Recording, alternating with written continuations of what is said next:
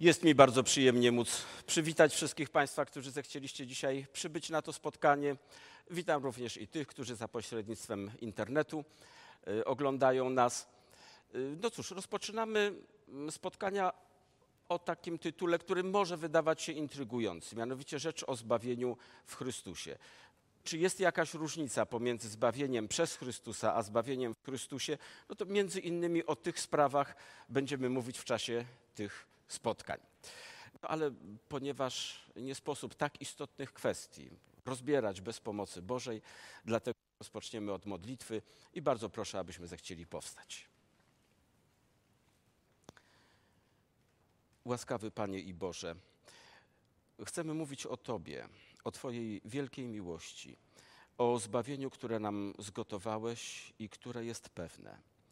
Chcemy, Panie, z Twojego słowa nabrać mądrości i po raz kolejny przekonania, że naprawdę masz tylko dobre intencje i że całą swoją duszą jesteś przy nas.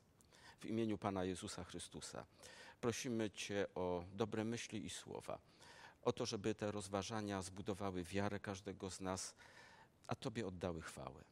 Polecamy Ci nas tak, jak tutaj jesteśmy, przez zasługi Pana Jezusa Chrystusa. Amen. Proszę spocząć.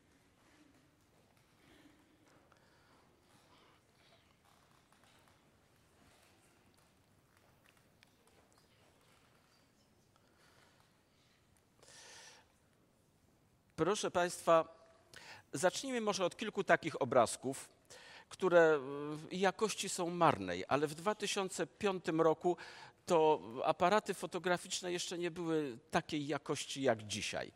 Więc wtedy, kiedy je robiłem, a to akurat są e, fotki z Australii, no to tak wyglądały, a nie inne. Ale ocean naprawdę jest piękny.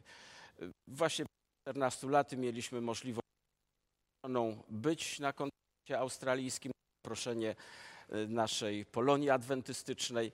Do dzisiejszego dnia wspominamy tam ten pobyt i jesteśmy braciom bardzo wdzięczni za to, że mogliśmy tam się znaleźć. Ocean wywiera szczególne wrażenie. Nie tylko poprzez mody, pewien majestat, który z niego bije, ale również i w inny sposób oddziałuje. W inny sposób. No ale popatrzmy przez chwilę na te, na te widoczki. Mm, czy moglibyśmy zgasić to światło? Obraz byłby bardziej skontrastowany. O, dziękuję serdecznie. Dziękuję kiedy patrzy się na różnego rodzaju wiry, na jamy wyżłobione przez ocean, to naprawdę robi to wielkie wrażenie, wrażenie olbrzymiej potęgi, wobec której człowiek jest tak naprawdę malutki i zupełnie, zupełnie bezradny. Ale to jeszcze nie wszystko. Jeszcze nie wszystko. Ponieważ ocean to coś więcej. Gdyby zapytać o definicję, taką najprostszą definicję oceanu czy morza, no to powiedzielibyśmy, to jest woda w dołku. Prawda? Woda w dołku, no najprostsza definicja. Kiedy do, zaczynamy, zaczynamy wchodzić w głąb tego dołka, prawda? A więc schodzimy z plaży i wchodzimy głębiej, jeszcze głębiej.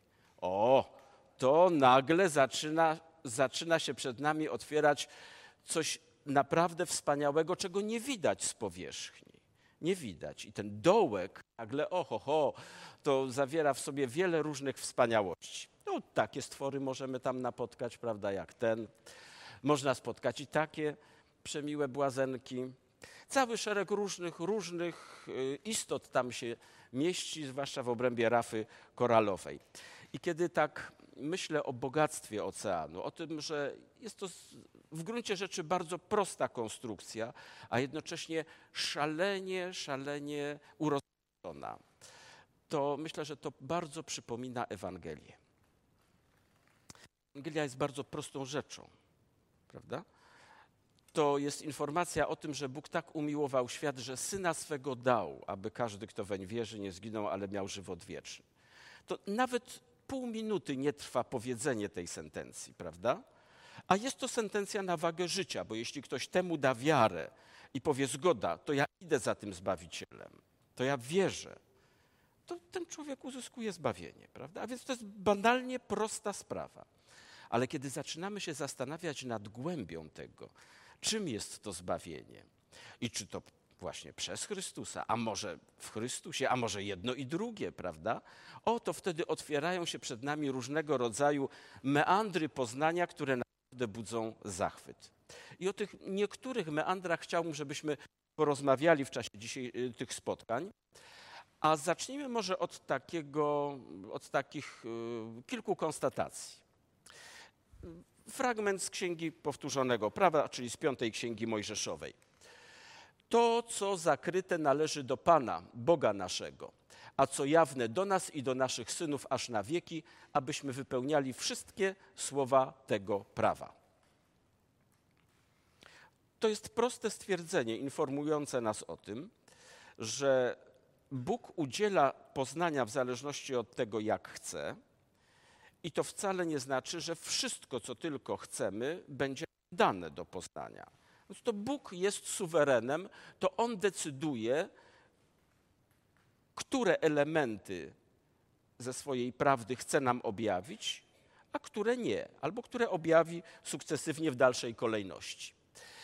No więc popatrzmy dalej na następny fragment. To kwestie dotyczące wypowiedzi dotyczące proroka Daniela, który, jak stwierdza, patrzył na widzenie, pytał o jego zrozumienie, prawda? a więc nie wiedział wszystkiego od razu, tylko on dopytywał się. Dalej w innym miejscu mówi: Zrozumiałem w księga, z ksiąg liczbę lat, o których było słowo Pana do proroka Jeremiasza. Tu jeden prorok studiuje drugiego proroka, prawda, i dowiaduje się dopiero pewnych rzeczy. I dalej czytamy, y, prorok Daniel mówi: Przyszedłem, y, y, słyszy wypowiedź pewnej istoty przysłanej z nieba. Przyszedłem teraz, by nauczyć cię zrozumienia tajemnicy. A ja usłyszałem to, lecz nie rozumiałem. Tak wspaniała postać jak prorok Daniel dopomina się o zrozumienie, jest ono mu udzielone, on część rzeczy pojmuje, a innych nie, pomimo tego, że kilkakrotnie to poznanie jest mu rozszerzane, prawda? Więc miejmy świadomość tego, nie wszystko musimy rozumieć, nie wszystko. Ale to, co Bóg nam objawia, to powinniśmy przyjąć, prawda? I może jeszcze jedna wypowiedź, tym razem pochodząca z pism Ellen White, która stwierdziła następująco. Mówię wam w, Bożej, w bojaźni Bożej, że aż do tego czasu prawdy Biblii związane z wielkim planem odkupienia są zaledwie słabo rozumiane. A nam się wydaje, że już naprawdę dużo wiemy na ten temat. Prawda będzie nieustannie odkrywała się, rozszerzała i rozwijała, ponieważ jest ona boska, tak jak jej autor. A więc jeśli nawet wydaje się że wiem już wszystko, co można powiedzieć w danej kwestii, to lepiej z pokorą uznać, że tak nie jest. Że na pewno coś jeszcze można dodatkowo zyskać, studiując taki czy inny tekst.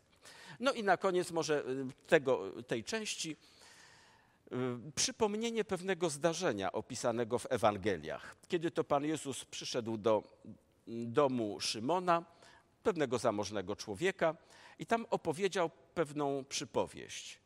Mówi Chrystus tak. Pewien wierzyciel miał, miał dwóch dłużników. Jeden winien był 500 denarów, a drugi 50. A gdy oni nie mieli czym zapłacić, obydwu darował. Powiedz więc, który z nich będzie go bardziej miłował? I gdybyśmy byli teraz na miejscu Szymona, to jakiej odpowiedzi byśmy udzielili? Tak, że ten, który był większym dłużnikiem, prawda? To oczywiście większy dług, to jeśli mu darowano, no to wiadomo, wdzięczność jego powinna być większa. Tak. Rzeczywiście tak powinna być. Tak powinno być. Dla nas stąd wniosek pewien, który z drżeniem serca podaje. Mianowicie, że aby dobrze docenić miłość Bożą, to powinniśmy również zagłębić się w to, co złe, czyli w zrozumienie grzechu. I od razu powiem, że absolutnie nie chcę twierdzić, że dobro można docenić tylko w perspektywie zła. To nie o to chodzi. A więc, że grzech staje się koniecznością bo inaczej nie docenilibyśmy tego dobrego świata stworzonego przez Boga. Nie, to jest nieprawda. Ale w tych warunkach, w jakich żyjemy, a żyjemy w warunkach panoszącego się grzechu i grzeszności, którą nosimy w sobie, to w tych warunkach docenić miłość Bożą naprawdę można w, tylko w perspektywie tej, która mówi nam o tym, w jak tragicznym położeniu znalazłem się poprzez grzech. Wielu ludzi dzisiaj bagatelizuje miłość Bożą właśnie dlatego, iż uważają, że grzech to nie jest nic wielkiego. Żadna poważniejsza sprawa. Więc po co nam jakiś Bóg, po co nam jakiś Zbawiciel, jak my jesteśmy wszyscy dobrzy, prawda? Kochajmy się tylko i będzie cacy. Nie, nie, nie. Właśnie potrzebujemy rozeznania w tym, jakie spustoszenie zrobił grzech w naszych umysłach, żebyśmy umieli docenić, z jakiej y, niewoli i z jakiego zadłużenia zostaliśmy wydobyci przez Chrystusa. No dobrze. Y, żeby rozsądnie jakoś podejść do kwestii grzechu, no to oczywiście musimy cofnąć się do raju, bo to jest taki kliniczny przykład tego, co się stało wtedy, gdy człowiek zdecydował odejść od tej Bożej oferty życia prowadzonego zgodnie z miłością i zdecydował się na zupełnie inną opcję, którą. Więc przeczytajmy ten fragment. Bóg mówi tak: jeszcze zanim stała się ta tragedia grzechu u Adama i Ewy. A więc jeszcze wszystko jest piękne, czyste, cacane, prawda? I Bóg mówi tak: Z każdego drzewa ogrodu będziesz jeść, ale z wiadomości z drzewa, wiadomości dobrego i złego nie będziesz jeść, bowiem w dniu, w którym będziesz z niego jeść, umrzesz śmiercią. I powiedział Pan Bóg: Niedobrze jest człowiekowi, gdy jest sam. Uczynię mu pomoc, która byłaby przy nim. Naprawdę nie chcę robić żadnej gruntownej analizy tych tekstów, bo to zajęłoby naprawdę sporo czasu. Ale na pewne tylko elementy chciałbym zwrócić uwagę. No, pierwszy z nich to jest ta informacja o tym, że w tych idealnych warunkach, bo wtedy jeszcze świat jest idealny, prawda? Jeszcze na świecie nie ma tutaj w warunkach ziemskich grzechu. Bóg mówi o pewnym normatywie, mówi o pewnych zasadach. To ci wolno, tego ci nie wolno. Jak to, Panie Boże? Ja jestem cacany, piękny, czysty, prawda? Ty jesteś wspaniały, cała miłość, świat jest idealny, to mnie czegoś nie wolno? Tak. Tak, dziecko, tego ci nie wolno. Więc zauważmy, wprowadza, wprowadza Bóg tutaj ideę normatywu, a więc prawodawstwo jest tutaj wyraźnie y, wskazane. I od razu człowiek może się do tego ustosunkować. Albo to przyjmuje, albo tego nie przyjmuje. Jeśli przyjmie, będzie żył szczęśliwie. Jeśli nie przyjmie, a to od razu jest powiedziane, co się stanie. Prawda? Co się stanie? Ano, umrze. Nawet jest to tak ładnie oddane tym starym językiem: śmiercią umrzesz. Czyli, że na pewno postradasz życie. I ta wypowiedź, proszę zauważyć, że ta wypowiedź od razu mówi nam o czymś szalenie istotnym, zwłaszcza z punktu widzenia wierzeń dzisiejszego chrześcijaństwa. Mianowicie, że nie ma czegoś jak alternatywny sposób życia. Życie jest tylko jedno, jest z Bogiem, który jest dawcą życia. Poza Bogiem życie nie istnieje. Życie na zagładę, a nie na to, że zostanie stworzona jakaś enklawa, w której będą funkcjonowali ci, którzy nie chcą żyć po Bożemu. Dzisiaj niestety w chrześcijaństwie utarło się takie przekonanie, że ci, którzy zdecydowanie opowiedzą się przeciwko Bogu, to wcale nie doznają tam jakiejś wielkiej krzywdy, ale Bóg im stworzy taki ogródek jakiś tam gdzieś na obrzeżach wszechświata i oni sobie tam będą żyli po swojemu, no już tak, z dala od Boga. Niektórzy mówią, że przez to będą cierpieć, to problematyczne. Nie. Nic podobnego. Bóg mówi wyraźnie: jeśli zdecydujesz się żyć niezgodnie z moim zaleceniem, to po prostu zginiesz, nie będzie cię. No, można by powiedzieć, że to bardzo surowe, ale to nie wynika z surowości Boga, bowiem grzech płaci zawsze śmiercią. Może nie natychmiast, ale płaci zawsze śmiercią. Grzech nie ma innej monety, którą wypłaca żołd swoim zwolennikom. Tylko śmierć i nic więcej. Więc to nie Boża surowość sprawia nieposłuszeństwo z takim następstwem. To natura grzechu sprawia, że człowiek, który odstępuje od Boga miłości, no musi się spotkać z tym, że w końcu straci, straci. Jeszcze jeden element, który chciałbym tutaj podkreślić.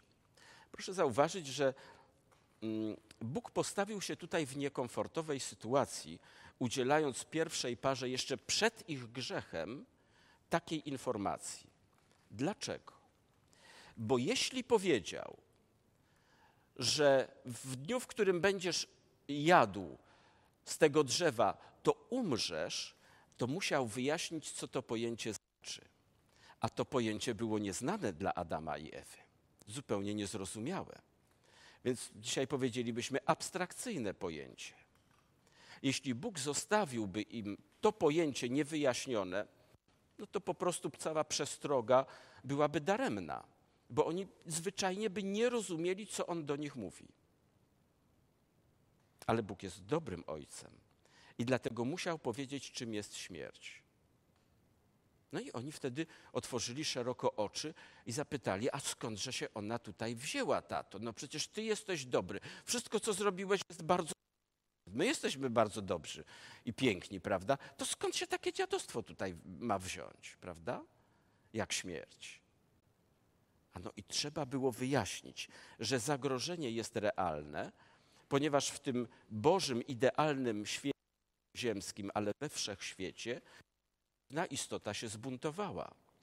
Czyli poszła drogą odstępstwa.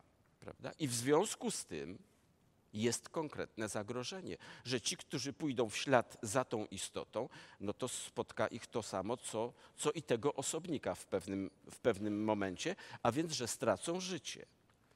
Proszę zauważyć, że to wyjaśnienie rodziło następne pytania. A to jak to, tato, to ty nie mogłeś temu zapobiec? A dlaczego ty go nie zlikwidujesz, skoro on jest taki groźny? Przecież dobry ojciec to dba o to, żeby dzieci nie były narażone na różne takie przykre sytuacje, prawda? Proszę popatrzeć, tu sekwencję różnych pytań możemy postawić, które mogą Boga postawić w niekorzystnym świetle. A mimo to Bóg udziela rzetelnie informacji. No i mamy, mamy jeszcze jedną rzecz. Stwierdzenie, niedobrze jest człowiekowi, gdy jest sam.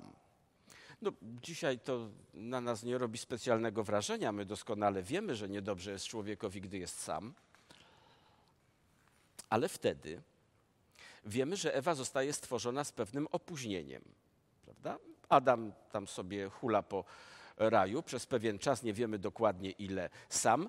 Dochodzi właśnie do, no, do takiego wniosku, że wszystko jest pięknie, ale jednak nie, nie tak by się chciało. I teraz proszę popatrzeć. Znów, w jakiej sytuacji postawił się Bóg, skoro nie stworzył Ewy od razu, a mógł od razu. Tylko jest ten pewien dystans czasowy. Ano to grozi tym, że ktoś może powiedzieć: Aha, czyli nie wystarczy żyć w idealnych warunkach, nie wystarczy być idealnym, nie wystarczy mieć fantastyczny kontakt z idealnym Bogiem, bo to jeszcze nie gwarantuje pełni szczęścia. Hmm?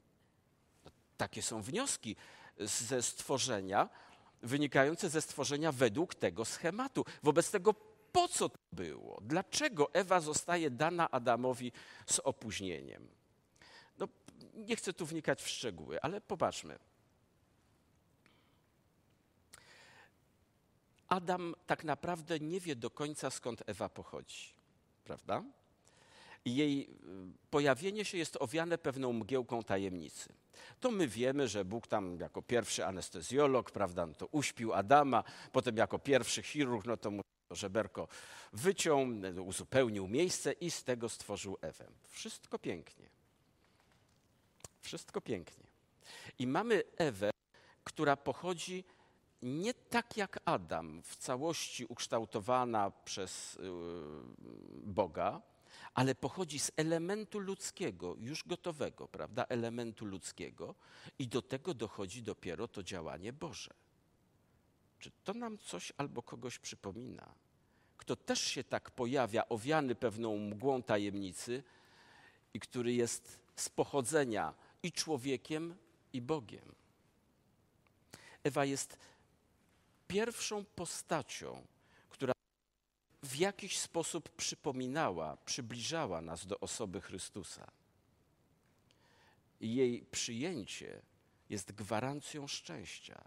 Gdyby Adam nie zdecydował się na tę osobę, to lepiej nie myśleć, co by się działo dalej, prawda? Ale to ona jest dana mu jako jedna, jedyna, jako gwarant szczęścia. Proszę zauważyć, że Bóg nie stworzył Adamowi pięćdziesięciu i powiedział: Adaś, no wybierz sobie, która ci się podoba. Prawda? Nie. To był dar od Boga dla Adama. Prawda? Dar od Boga, bo przecież jest powiedziane, że Bóg ukształtował kobietę i przyprowadził ją do człowieka. On nie zawołał, Adam, chodź no tutaj, prawda? Ja mam kogoś dla ciebie. On ją przyprowadził. To jest Boże dar dla Adama. Jeśli przyjmie, będzie szczęśliwy. Jeśli nie, proszę popatrzeć, jak ukształtowane jest stworzenie, prawda? Że już od razu, jeszcze przed grzechem, znajdujemy ślady y, mówiące wyraźnie o Chrystusie. Dobrze, chodźmy dalej.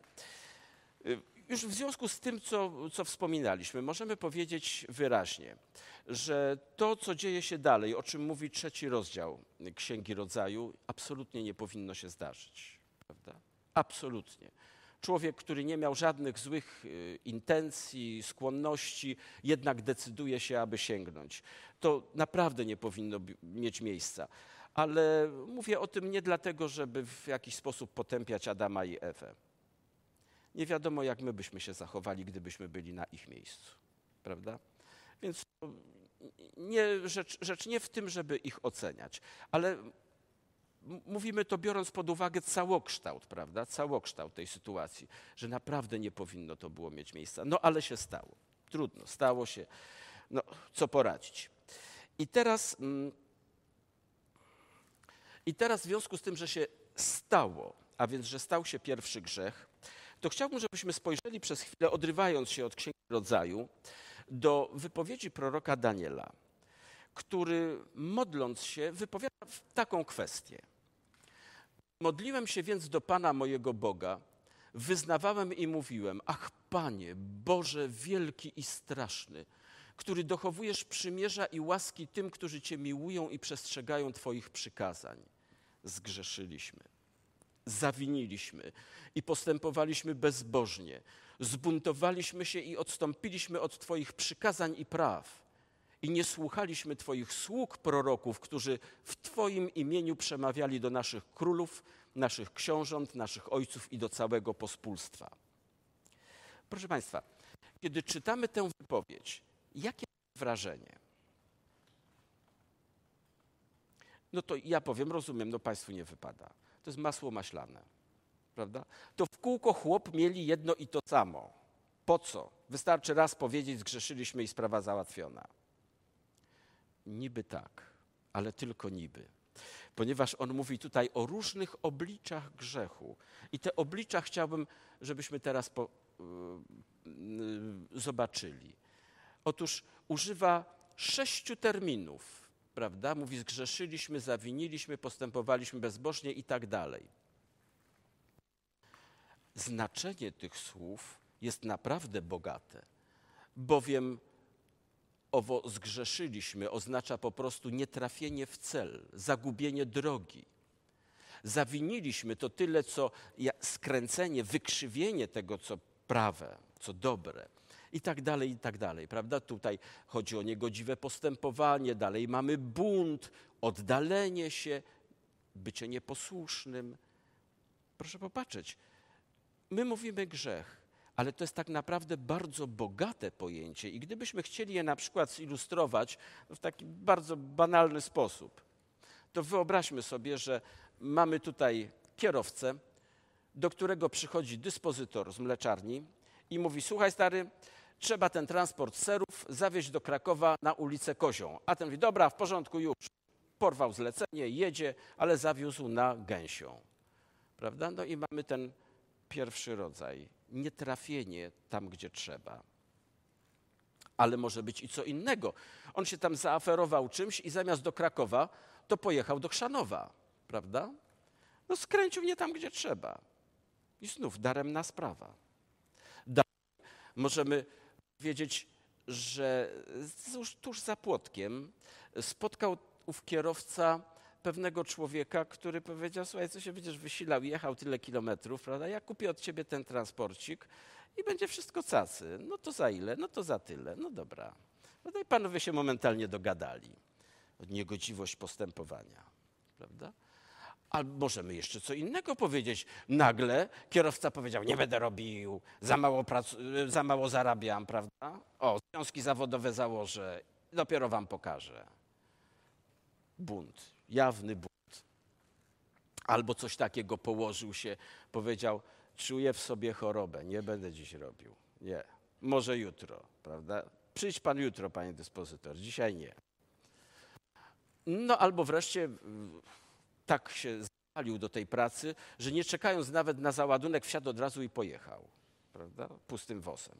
Więc różnorakie sytuacje, wszystkie opisywane są terminem grzech. Więc w jak rozmaity sposób możemy być ugodzeni właśnie przez to zjawisko. Pojęcia grzech funkcjonujące w Starym Testamencie, one są tutaj wymienione co oznaczają, no właśnie, rozminięcie się z Bożymi zasadami, niegodziwość, przestąpienie prawa i tak dalej, prawda? Podobne, podobne zestawienie możemy uczynić w odniesieniu do terminów opisujących grzech w Nowym Testamencie. Bardzo, bardzo podobne, bardzo podobne, podobna specyfikacja, prawda? No nie będziemy teraz tego szczegółowo analizować, nie ma potrzeby. Więc chcę, żebyśmy wiedzieli, że ci ludzie, którzy pisali księgi, którzy żyli w określonej epoce kulturowej, to kiedy mówili grzech, to od razu otwierała im się cała gama różnych zachowań. A nam na, na ogół grzech kojarzy się no, z jakąś błahostką, prawda? No, przyjechał wnuczek do babci, babcia się, zanim, zanim się spostrzegła, to już jej wyżarł wszystkie konfitury wiśniowe ze spiżarki prawda, babcia w lament, no mówi, do wnusiu chciałam ci zrobić pączków, a tu z czego zrobię teraz, jakie nadzieje, prawda? No, wnusiu się specjalnie nie przejął, bo było dobre, więc odbeknął tylko i poszedł trawić. To my tak podchodzimy często, no, nic się tam wielkiego nie stało. No. Jasio Małgosi w szkole tam ukradł ołówek, prawda? To wiemy, e, ołówek to, to ile tam złotówka, no dobrze. O, jakby jej Toyotę ukradł, no to co innego, to by musiał dostać po skórze, ale ołówek nie z tej Bożej perspektywy, to jedna i druga kradzież ma dokładnie to samo tło, ma tę samą naturę, obrzydliwą naturę buntu wobec Boga. I to warto o tym pamiętać. Mm, dobrze. Czytajmy wobec tego dalej, co się dzieje, jakie skutki wyniknęły z, tego, z tej tragedii, która tam zaistniała. Wtedy otworzyły się oczy obojga i poznali, że byli nadzy. I spletli liście figowe i uczynili sobie opaski. Aha. A więc tak. Nagle zaczę, zaczęli inaczej patrzeć na rzeczywistość, prawda? Przecież oni nadzy byli. To nie grzech spowodował, że im majtki spadły. Oni byli nadzy, tylko to w ogóle nie przeszkadzało prawda? Ale z chwilą, kiedy już grzech się stał, o, to wtedy nagle zauważyli, że tu jest problem. Ale tu nie było problemu, problem był tu, prawda? Ale grzech powoduje pomieszanie, kompletne pomieszanie. Więc to, co było zupełnie normalne i prawidłowe i stworzone przez Boga, prawda, nagle zaczęło być traktowane jako rzecz paskudna i trzeba się z nią uporać. No i czytamy o tych figowych listkach, prawda? Więc już widać jakieś no, straszliwe zamieszanie, które się wkrada w umysł. No i próba samodzielnego rozwiązania problemu. To jest dosyć istotne, warto zapamiętać, że oni podejmują próbę samodzielnego roz, rozwiązania problemu, spletli sobie listki figowe. Tak nawiasem mówiąc, to nie chcę powiedzieć, że było śmieszne, ale dosyć żałosne, bo liście figowe kurczą się bardzo szybko. One są dosyć duże. Te rajskie prawdopodobnie to były jeszcze większe, może po kolana, ale po upływie doby to one już są gdzieś takie no, parę centymetrów i nic więcej. No więc co to zmieniło, prawda? Nic nie zmieniło. Nagość pozostała. A wtem usłyszeli głos Pana Boga przechadzającego się po ogrodzie z wiatrem dziennym i skrył się Adam i jego żona przed obliczem Pana Boga między drzewami ogrodu. No i mamy, mamy kolejną, kolejny problem. Otóż Adam i Ewa kryją się przed Bogiem. Człowiek chowa się wtedy, kiedy czuje zagrożenie, prawda? Czy Bóg dał im jakieś powody wcześniej, żeby się go bali? Nie. A czy Bóg się zmienił po ich grzechu? Też nie. Jaki był wcześniej, taki był i jest w tej chwili, prawda, o której czytamy teraz. Jest dokładnie tym samym Bogiem. Więc co się zmieniło? Zmienił się człowiek pod wpływem grzechu, prawda? I to jak dramatycznie, że swojego stwórcę, dobrodzieja, ojca, prawda, czułego, kochającego, traktuje jako kogoś, kogo trzeba się bać, przed kim trzeba się kryć. No i od razu następne pytanie, czy można się schować przed Panem Bogiem? Więc popatrzmy, proszę Państwa, co grzech robi z umysłem człowieka, prawda? Wszystko wybebesza, wszystko wywraca do góry nogami. No człowiek popełnia elementarne błędy. Czy oni nie wiedzieli, kim jest Bóg i że nie można się schować przed Bogiem? No wiedzieli, oczywiście, że wiedzieli. Ale grzech lasuje mózg. I człowiek działa no, tak, jak działa. Y, dobrze, a więc usiłują się skryć i jeszcze, jeszcze jeden element. I zawołał Pan Bóg Adama i powiedział mu, gdzie jesteś? A on odpowiedział, usłyszałem głos Twój w ogrodzie i zląkłem się, gdyż jestem nagi i skryłem się. Tutaj proszę popatrzeć, kolejna taka drobnostka. Adam mówi tak: Zląkłem się, gdyż, jest, gdyż jestem nagi. Czy to jest normalne, czy nie? Nie, naturalnie to jest nienormalne, ponieważ nagość wywołuje wstyd, ale nie lęk. Nie lęk. On zupełnie miesza tutaj pewne następstwa, prawda? Ale chodźmy dalej. A Bóg powiedział: Kto ci powiedział, że jesteś nagi? Czy jadłeś z drzewa, z którego zakazałem ci jeść? Wtedy Adam powiedział: Kobieta, którą mi dałeś, aby była ze mną, ona mi dała. No chodź. O już, przepraszam. Ona mi dała z tego drzewa i jadłem. I powiedział kobiety, dlaczego to uczyniłaś? I kobieta powiedziała, wąż mnie zwiódł i jadłam okazuje się, że wszystkiemu winien Bóg, bo to On stworzył węża, prawda? No On stworzył e, kobietę tak samo. Popatrzcie Państwo, co się dzieje.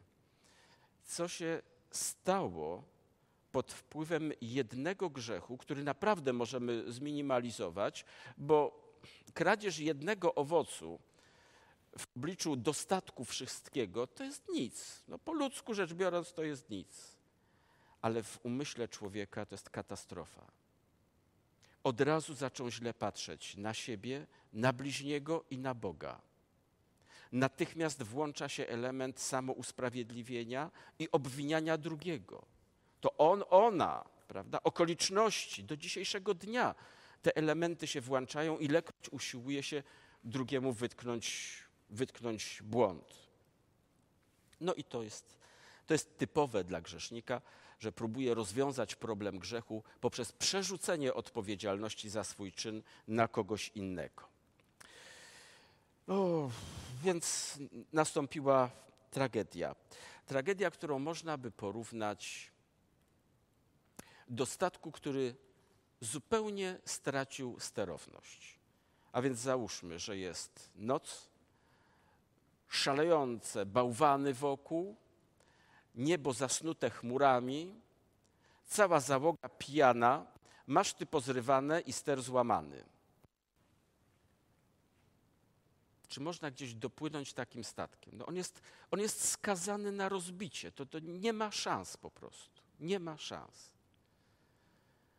I takim się stał człowiek po grzechu. My jutro powiemy coś więcej na temat tego, co grzech rzeczywiście zrobił, bo to na razie szkicujemy tylko pewne, pewne rzeczy, ale jutro powiemy coś więcej na temat grzechu.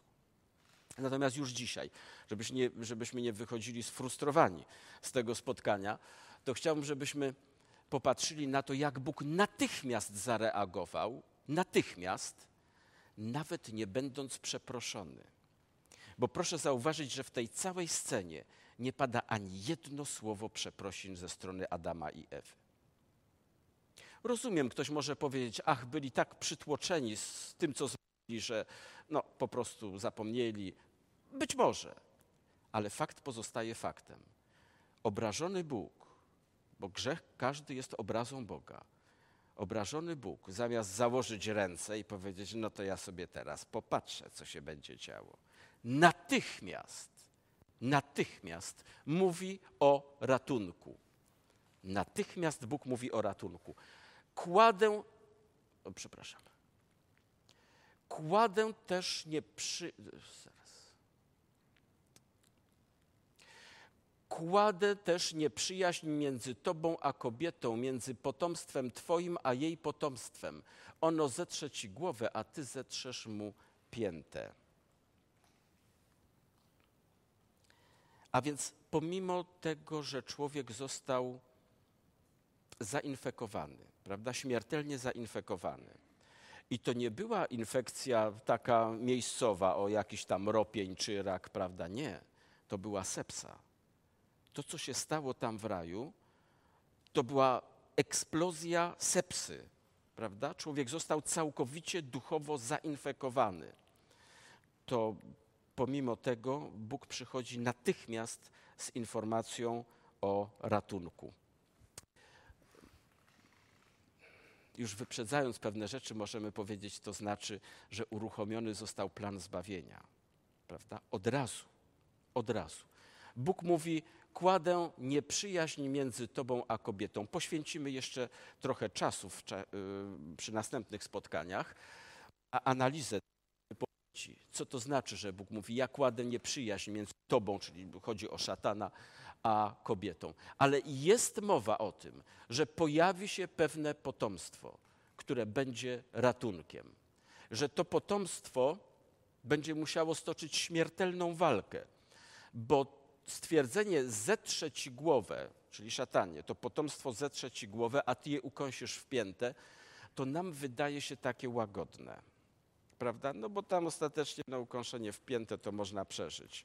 A jak już głowa zmiażdżona, to co innego, to koniec istoty. W gruncie rzeczy tekst hebrajski oddaje tym samym słowem i starcie głowy i ukąszenie wpięte. A więc pomiędzy tym potomstwem, czy potomkiem, który ma się pojawić, a szatanem, ma dojść do wymiany śmiertelnych ciosów. A więc to jest naprawdę walka na śmierć i życie.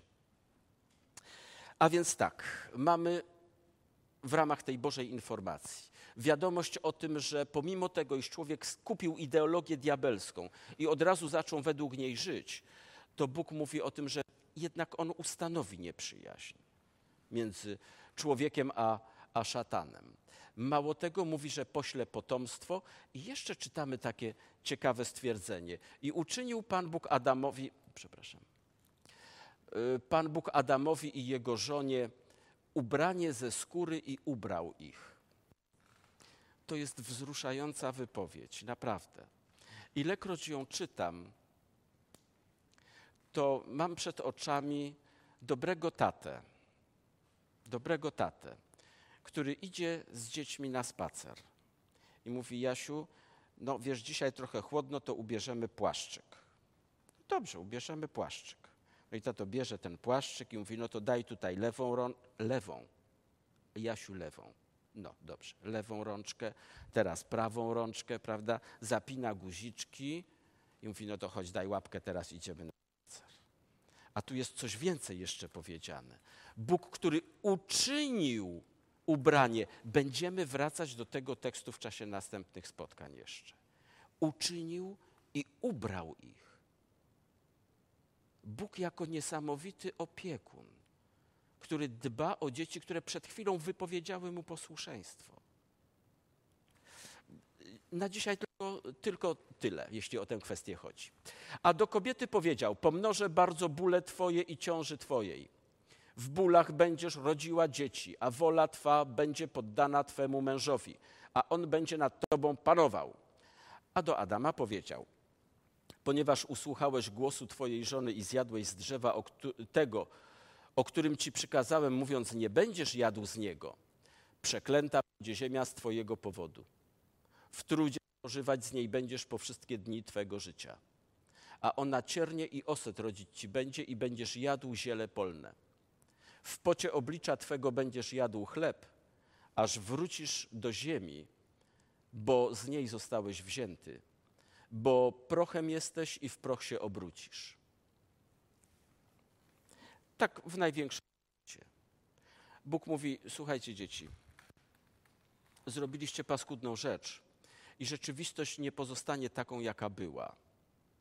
Ziemia nie będzie zachowywała się adekwatnie do waszego trudu, który będziecie wkładać, żeby ją uprawić. Także niejednokrotnie spotkacie się z tym, że napracujecie się bardzo, a plon będzie mizerny. To jest jedna rzecz. Druga rzecz. W pocie oblicza Twego będziesz jadł chleb, aż wrócisz do ziemi, bo z niej zostałeś wzięty. No, niestety będzie śmierć, prawda? Y, ta mozolna praca przez całe życie, a na końcu trzeba się będzie rozstać. Ale w tym jest jeszcze coś, coś, co było w tym początkowym tekście. Mianowicie Bóg mówi: Pomnożę bóle Twoje i ciąży Twojej, w bólach będziesz rodziła dzieci.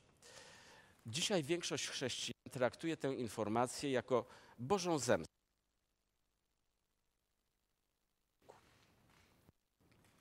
Nie warto w to wierzyć. Dlaczego? Bo gdyby Bóg naprawdę chciał człowiekowi dopiec, oj, to jest cały szereg sposobów, żeby to zrobić. Daleko nie szukając, mógł Bóg sprawić, aby każdy oddech był bolesny. To żadna filozofia, prawda? I teraz sobie wyobraźmy, przez całe życie 16 razy na minutę, mniej więcej. Ból i ból. O, to pofantazjujmy sobie jeszcze. Bóg mógł sprawić, aby każde uderzenie serca było bolesne, każde oddanie moczu było bolesne. To by dopiero była jazda. Więc dlaczego akurat bóle porodowe? I dlaczego akurat tylko kobietę mają dotknąć? Przecież to się zdarza tam raz, dwa, no daj Boże, dwanaście razy w życiu, prawda? Ale, ale to mija i tylko czasem jak panie mają takie swoje tam wewnętrzne spotkania, to wtedy sobie wspominają, mówią, ach wiecie, ja sobie przypominam, bo to mój syn miał wczoraj urodziny, jak mnie to bolało, wtedy, ha, kochana, ale jak mnie bolało. No i te opowieści to całą noc potrafią trwać, prawda? Ale w sumie ja na co dzień się o tym nie pamięta. Więc dlaczego akurat to? Popatrzmy na pewne wypowiedzi. Z Księgi Powtórzonego Prawa. Skałę, która cię zrodziła, zaniedbałeś. Zapomniałeś Boga, który w boleściach wydał cię na świat. Co to znaczy? Że Bóg człowieka w boleściach wydał na świat. Bolało go coś? A to dodajmy do tego jeszcze wypowiedź wobec tego inną. Tym razem apostoł Paweł pisze y, do chrześcijan w Koryncie: Ja zrodziłem was w Chrystusie Jezusie przez Ewangelię. O czym on pisze? Pisze o swoim trudzie, który włożył w to, żeby z tych pogan uczynić chrześcijan. Oczywiście my powiemy, a to, to nie tak całkiem jego praca, bo to Duch Święty, naturalnie, że tak. ale Duch Święty posługuje się też ludźmi, prawda? Daje nam ten radosny udział w tworzeniu nowego człowieka, w przejściu z niewiary do wiary. I Paweł o tym pisze. Mnie to kosztowało konkretny trud. Ja musiałem się nachodzić, nagadać, natłumaczyć, namodlić za wami, prawda? Przestrzegać. Tak, to jest konkretny wysiłek. Ci, którzy pracują w ten sposób, to wiedzą, o czym mówię.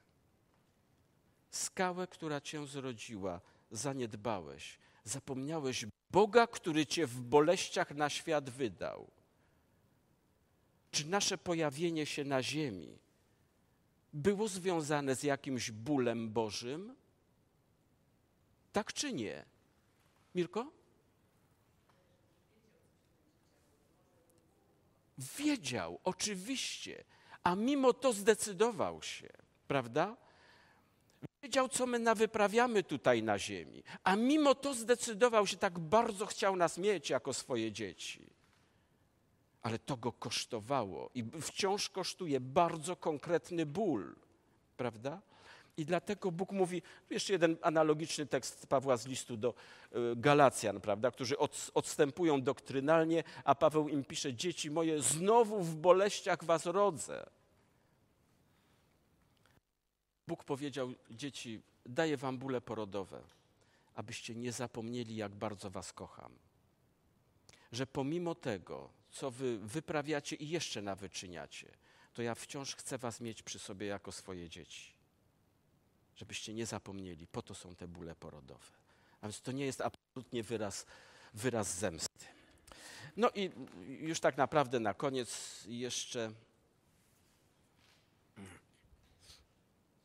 Tak? Znane postacie? Znane, muminki, prawda? Tak, autorstwa Tove Jansson, tak. Muminki, takie urocze stworki, może nie wszystkie, prawda? Bo jeśli chodzi o charakter małej mi, no to nie życzmy nikomu, ale te pozostałe tłuściutkie, takie milutkie, bardzo przyjemne stworki.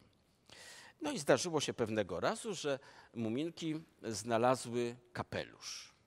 Kapelusz okazał się zaczarowany i z kapelusza zaczęły wydobywać się obłoczki. Piękne, wspaniałe obłoczki, chyba różowiutkie nawet były. I muminki momentalnie wskoczyły na te obłoczki i zaczęły sobie fruwać. Zabawa była pyszna do momentu, aż obłoczki zaczęły rozpływać, no i tam muminki pospadały, ale ponieważ podściółka tłuszczowa u nich jest słuszna, no to nic im się złego nie stało. Mm, kapelusz został wrzucony gdzieś tam chyba za, za łóżko, w domu muminków i przez długi czas nikt o nim nie wspominał.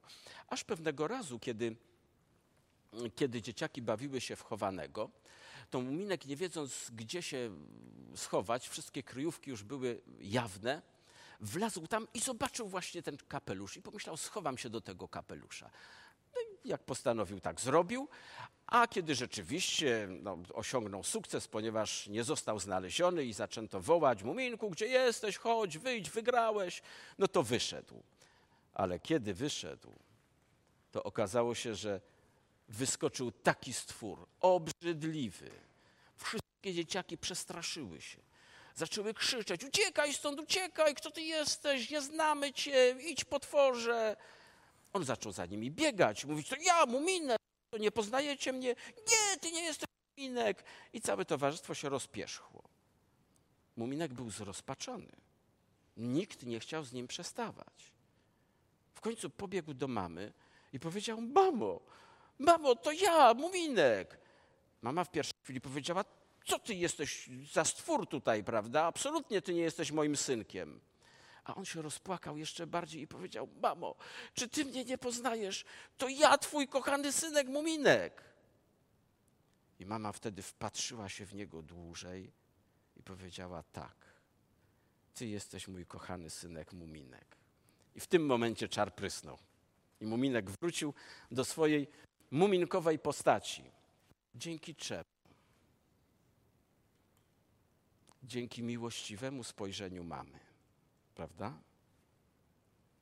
Zostaliśmy przez grzech zmasakrowani, podobnie jak muminek, który wyszedł z kapelusza. Zmasakrowani. Ale miłość Boża jest większa od nienawiści szatańskiej. I miłość Boża zdejmuje z nas ten czar i to odium grzechu, zniewalające odium grzechu. Jak dokładniej się to dzieje, o tym będziemy mówić w czasie następnych spotkań, a kolejne już w sobotę o godzinie 18. Zapraszam serdecznie. No, dziękuję za ten czas, który mogliśmy spędzić tutaj i chciałbym, żebyśmy jeszcze podziękowali Panu Bogu. Zechciejmy powstać, proszę. Dobry Panie Boże, wiemy, że jesteśmy grzesznikami. Nie tylko z racji tego, co robimy, ale i z już samego, samej natury rzeczy, z samego urodzenia. Pochodzimy od grzesznych rodziców i takimi też jesteśmy. A dzisiaj chcemy dziękować Ci, Panie, szczególnie za to, że Ty pomimo swojej czystości, nieskalaności, że Ty wciąż patrzysz na nas w sposób litościwy, jak dobry tato. Dziękujemy Ci, Panie, za to, że możemy być pewni Twojej stałej miłości, że możemy się nią cieszyć, niezależnie od tego, jak wiele brudu nosimy w środku. Panie, prowadź nas łaskawie i spraw, żebyśmy szli przez życie, będąc zapatrzeni w Ciebie. Prosimy Cię o to w imieniu Jezusa, a teraz zechciej każdemu z nas dać dobrą, szczęśliwą podróż do domu. W imieniu Jezusa prosimy.